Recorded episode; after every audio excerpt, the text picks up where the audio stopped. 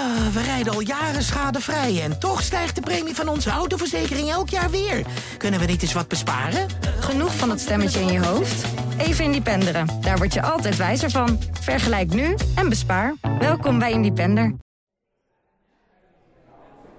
Vandaag is het zover. Precies 11 jaar en 60 dagen na de moord op Heidi Goedhart doet het gerechtshof hier in Den Haag definitief uitspraak. Er hangt een gespannen sfeer. Nog meer dan in januari. Net als de vorige keer zijn veel familie en vrienden van Heidi naar Den Haag gekomen. En ook Wim is er natuurlijk. Samen met zijn vrouw Monique en zijn schoonouders. Hij staat in een hoekje van de grote hal te wachten tot de rechtszaal open gaat. Ver van waar de familie van Heidi staat. Twee keer eerder werd Wim al veroordeeld. In 2016 kreeg hij 18 jaar cel. En twee jaar later in hoger beroep kreeg hij zelfs 20 jaar. Maar na die laatste uitspraak vond de Hoge Raad dat er toch nog een keer opnieuw naar de zaak moest worden gekeken.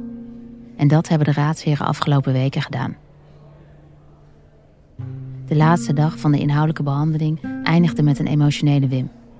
Hij probeerde toen voor de laatste keer de raadsheren te overtuigen dat hij onschuldig is. Dat hij echt niet de dader is. En dat zweert hij op zijn vrouw, al zijn kinderen en iedereen die hem lief is. Maar het Openbaar Ministerie gelooft daar niks van. Wim is de dader. Daar is volgens OM geen twijfel over. Het is de enige logische verklaring voor de moord op Heidi, zei de advocaat-generaal de vorige keer. De eis die op tafel ligt is 17,5 jaar gevangenisstraf. En vandaag gaan we dus horen wat de raadsheren hebben besloten. Wordt het een jarenlange celstraf of gaat Wim vrij uit? Goedemiddag allemaal, gaat u zitten. Dit is aflevering 5 van Grijs Gebied, een podcast van de Volkskrant. En ik ben Elspet Stoker, justitieverslaggever. En eh, tegelijkertijd wordt het onderzoek nu ook gesloten en zal er onmiddellijk uitspraak worden gedaan. Uitspraak... Maar voordat we gaan luisteren naar de uiteindelijke uitspraak, eerst nog even wat anders. Want tijdens de eerste zittingsdag in januari was er iets wat me aangreep, wat me aan het denken zette. En dat had te maken met de verklaringen van de nabestaanden, die ze de vorige keer voorlazen in de rechtszaal. Eerst was toen Heidi's vader aan de beurt, en daarna Heidi's zus, Bianca. Ze vertelde over hoe zij die verschrikkelijke moord op haar zus had beleefd. Maar voordat ze daarmee begon, richtte ze haar woord tot de journalisten in de zaal. En dus ook tot mij. Velen van jullie waren de afgelopen elf jaar nooit geïnteresseerd in deze zaak. Jullie wisten niet eens wie Heidi Goedhart was. Misschien weten jullie dit nu nog niet. Velen zijn alleen geïnteresseerd in deze zaak omdat er gesproken wordt over de Mr. Big-methode. Schijnbaar zou de Mr. Big-methode toegepast zijn en is deze zaak heel belangrijk voor Nederland. Vandaar alle belangstelling. Ik kan je laten weten dat ik heel graag had gewild dat deze zaak niet belangrijk was voor Nederland, maar alleen belangrijk voor de vele nabestaanden. Want er wordt gewoon vergeten dat mijn zus Heidi Goedhart vermoord is en dat de dader op deze manier onder zijn straf uit wil komen. Ik hoop dat jullie in jullie verslaglegging rekening houden met het feit dat het om een moord gaat. Een moord op een onschuldige vrouw in de bloei van haar leven. Haar verhaal maakte indruk op me. Voor mij, of voor de luisteraar, is Mr. Big misschien een spannend verhaal. Een schimmig onderdeel van politiewerk waarover je eigenlijk nooit hoort, omdat het zo geheim is. Een interessant inkijkje in de opsporingsmethode die je confronteert met ethische vragen over hoe ver de politie mag gaan. Maar voor Bianca en ook de andere nabestaanden van Heidi staat Mr. Big symbool voor iets heel anders. Voor haar bracht het undercover traject in 2014 duidelijkheid. Eindelijk een bevestiging van de vermoeders dat Wim de dader is. Eindelijk een bekentenis die meer helderheid gaf over de moord op haar zus. Een moord die in eerste instantie nog onverklaarbaar leek. Maar inmiddels heeft Mr. Big haar ook veel verdriet gebracht. Want door alle discussie over de inzet van Mr. Big is de vraag wie haar zus doodde naar de achtergrond verdwenen. En gaat het gesprek vooral nog over de vraag of het politiewerk eigenlijk wel door de beugel kan. Het is dus goed om te benadrukken dat dit ook een kant is van het hele verhaal. Ik kan me voorstellen, voor zover ik dat als buitenstaander kan, dat het ontzettend lastig en pijnlijk moet zijn. Stel er wordt iemand in je omgeving zomaar vermoord. De politie start een heel onderzoek. Er wordt een verdachte aangewezen. Maar nu bestaat de kans dat die persoon misschien wel vrijgesproken wordt, omdat de methode die de politie heeft gebruikt ter discussie staat. Een discussie die in de ogen van Bianca dus ten onrechte wordt gevoerd. Ik had ontzettend graag hierover nog met Bianca verder gepraat. Alleen dat wilde ze niet. Ze wilde niet geïnterviewd worden voor de podcast. De tekst die je net hoorde is dan ook niet ingesproken door Bianca zelf, maar door mijn collega. Bianca vindt al die media-aandacht voor Mr. Big onterecht. Volgens haar is er in deze zaak helemaal geen sprake van Mr. Big. En is die term er alleen maar bijgehaald door de advocaten van Wim, om de bekentenis in discrediet te brengen. Wel kreeg ik kort voor de uitspraak nog een WhatsAppje. Bianca wilde nog één ding toevoegen. Wat de uitspraak ook gaat worden, schrijft ze. Voor ons verandert er niets. Heidi komt niet terug. Het gemis blijft. Wat het ook gaat worden, er zijn alleen maar verliezers. Ieder van u die bij deze zaak betrokken is bekend. Ik verwijs u hiervoor verder naar het arrest Oké, van het Hof. dan de uitspraak. Voor het Hof staat vast dat het slachtoffer in de nacht van 19 december 2010 in Kaatsheuvel door een geweldsmisdrijf om het leven is gekomen. En het Hof dient dan ook vast te stellen of de verdachte betrokken is geweest bij dit misdrijf. Het Hof is daarbij uitgegaan van twee scenario's. Als de uitspraak begint, plukt Wim aan zijn trui. De meeste nabestaanden kijken bedrukt. Een enkeling huilt. De vader van Heidi kijkt strak voor zich uit. Zijn dochter Bianca legt een hand op zijn knie. Het Hof komt tot de conclusie dat bij de weging van beide scenario's het inbraakscenario nog steeds zoveel gewicht in de schaal legt dat de balans onvoldoende overtuigend aan de kant van het daderscenario is doorgeslagen. De telastiglegging kan als gevolg daarvan niet wettig en overtuigend worden bewezen en de verdachte dient dan ook te worden vrijgesproken. Het Hof. Als ik naar de uitspraak zo door de zaal kijk, moet ik denken aan Bianca's berichtje van een paar dagen geleden. Ongeacht het oordeel van het gerechtshof, er zijn alleen maar verliezers, schreef ze toen. Het klinkt als een cliché. In strafzaken zijn eigenlijk nooit winnaars. Maar toch, als ik zo om me heen kijk, kan ik niet anders concluderen dan dat Bianca gelijk heeft. Misschien nog wel meer dan in andere strafzaken hebben hier echt alle betrokkenen verloren. Het Hof begrijpt dat het overlijden van het slachtoffer enorme gevolgen heeft voor alle nabestaanden. Hun leven is op 19 december 2010 voorgoed veranderd. Hun verdriet en het overlijden van een dierbaar om het overlijden van een dierbaar is immens. Dat is ook heel treffend verwoord in de slachtofferverklaringen zoals zij op zitting zijn voorgedragen. En het Hof is zich ervan bewust dat deze vrijspraak na jarenlange procedure onbevredigend en, on en teleurstellend is. Immers onopgehelderd is gebleven, ondanks uitgebreid onderzoek, door wie en onder welke omstandigheden hun dierbare van het leven is beroofd. Ook kan aan de gerechtvaardigde. In 2013 begon de politie een Mr. Big traject, in de hoop om meer bewijs te verzamelen tegen Wim. Meer dan een jaar lang bouwden de agenten op geraffineerde wijze een schijnwereld om hem heen. En tijdens de eerdere zittingen in 2016 en 2018 werd hij dankzij dat undercover traject veroordeeld. Toen was de reactie van Heidi's familie vooral opluchting en blijdschap.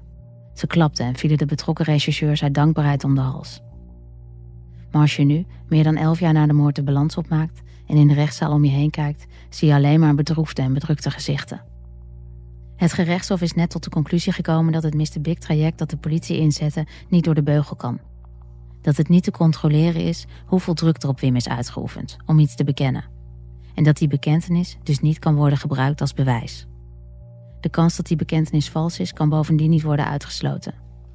Hoewel er aanwijzingen zijn dat Wim de moeder van zijn kinderen vermoordde op die decembernacht in 2010, is er onvoldoende bewijs om hem te veroordelen, zegt het Hof. De raadsheren kunnen andere scenario's, bijvoorbeeld dat inbrekers Heidi hebben gedood, niet uitsluiten. Met andere woorden, er kan niet worden vastgesteld wat er met Heidi Goedhart gebeurde. Er is niemand die dit met zekerheid weet. De nabestaanden hebben het oordeel van de raadsheren in stilte aangehoord. Maar als Wim de zaal verlaat, wordt hij door een enkeling uitgejouwd. Na afloop staan de vrienden en familie van Heidi verslagen op de gang. Sommigen huilen en Bianca staat wat journalisten te woord. Ze laat weten dat de vrijspraak van Wim voor hen niets verandert. Zij weet wel wie haar zus heeft vermoord, zegt ze. Vandaag draaide wat haar betreft om de vraag of het politiewerk wel of niet goed was uitgevoerd. Voor haar verandert er dus niks. Ze heeft al lang verloren. Elf jaar geleden, toen Heidi stierf.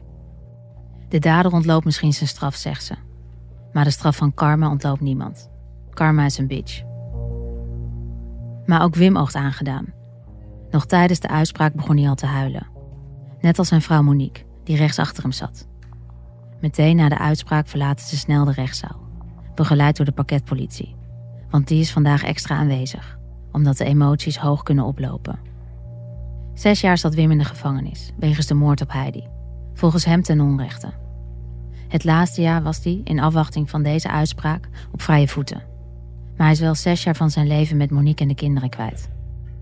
De vorige keer vroeg hij de raadsheren om een einde te maken aan deze hel. Maar ik vraag me af of die hel na vandaag en ondanks de vrijspraak echt voor hem voorbij zal zijn.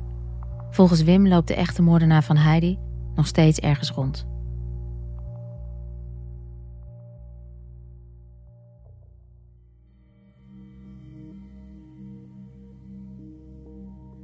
Maar goed, terug naar Mr. Big.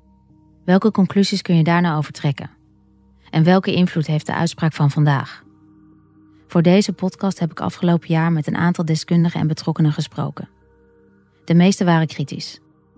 Het is te duur, te slecht te controleren en er is een kans dat het een valse bekentenis oplevert.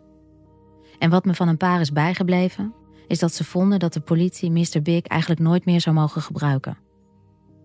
Zover wil ik niet gaan, want ik denk dat het in potentie een waardevol middel is, met een in essentie goed streven: het oplossen van zware misdrijven. Het Haagse gerechtshof zegt in deze uitspraak niets over de vraag of Mr. Big wel of geen toekomst heeft. De raadsheren zeggen alleen dat als de politie deze undercover-methode toepast, de agenten voortaan beter hun werk moeten doen. Rechters moeten beter kunnen controleren hoe de undercover-agenten precies te werk zijn gegaan. En dat kan bijvoorbeeld door het maken van opnames of het gedetailleerde beschrijven van de undercover-acties. En wat mij betreft mag er nog wel een voorwaarde bij. Zoals ik al eerder in deze podcast zei, kom ik als justitieverslaggever wel vaker verbazingwekkende zaken tegen. Dingen die je niet van tevoren had kunnen bedenken. Zo wist ik al wel dat de politie ver kan gaan bij het oplossen van misdrijven. Maar dat de impact van een undercover traject echt zo ver zou reiken, dat had ik me toen ik aan deze podcast begon niet gerealiseerd. Niet alleen dringen de undercoveragenten diep door tot de levens van de verdachte. Ook de onschuldige naasten van de verdachte worden meegezogen in die schijnwereld. De gevolgen daarvan werden me pas echt duidelijk toen ik Boukje sprak, de vriendin van Ad. In de eerste twee afleveringen vertelde ze hoe zij ook het politieonderzoek in werd getrokken. Omdat de politie dacht dat Ad verantwoordelijk was voor de verdwijning van Patrick van Dillenburg in 2002. Boukje heeft niets met die verdwijning te maken. Ze kende Ad niet eens in die tijd. Maar door het undercover traject wantrouwt ze nog altijd iedereen die ze tegenkomt. Ik geloof niks meer, zei ze nadat ze 17 maanden om de tuin was geleid door mensen van wie ze dacht dat het goede vrienden waren. Dus als de politie in de toekomst Mr. Big gaat inzetten, zou er wat mij betreft meer oog moeten komen voor ethische vragen. En zou er bijvoorbeeld extra goed gekeken moeten worden naar hoe ver ze kunnen gaan bij het infiltreren in de levens van de mensen om de verdachte heen. De Mr. Big-methode staat onder druk en heeft alleen toekomst als de politie voortaan zorgvuldiger te werk gaat. Die conclusie lijkt me duidelijk.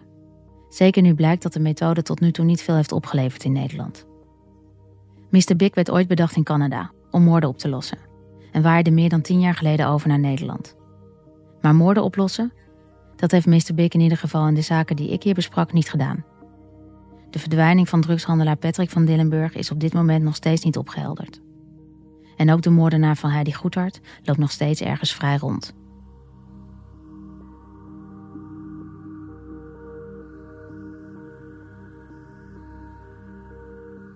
Dit was de vijfde en voorlopig laatste aflevering van Grijs Gebied. Een podcast van de Volkskrant.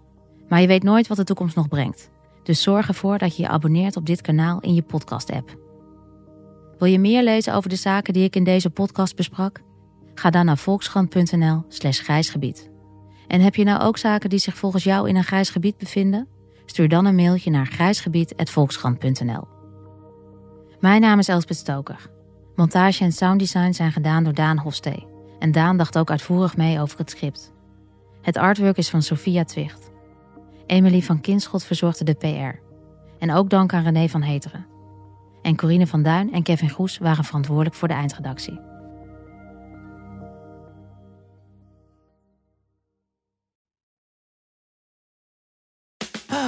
Rijden al jaren schadevrij en toch stijgt de premie van onze autoverzekering elk jaar weer.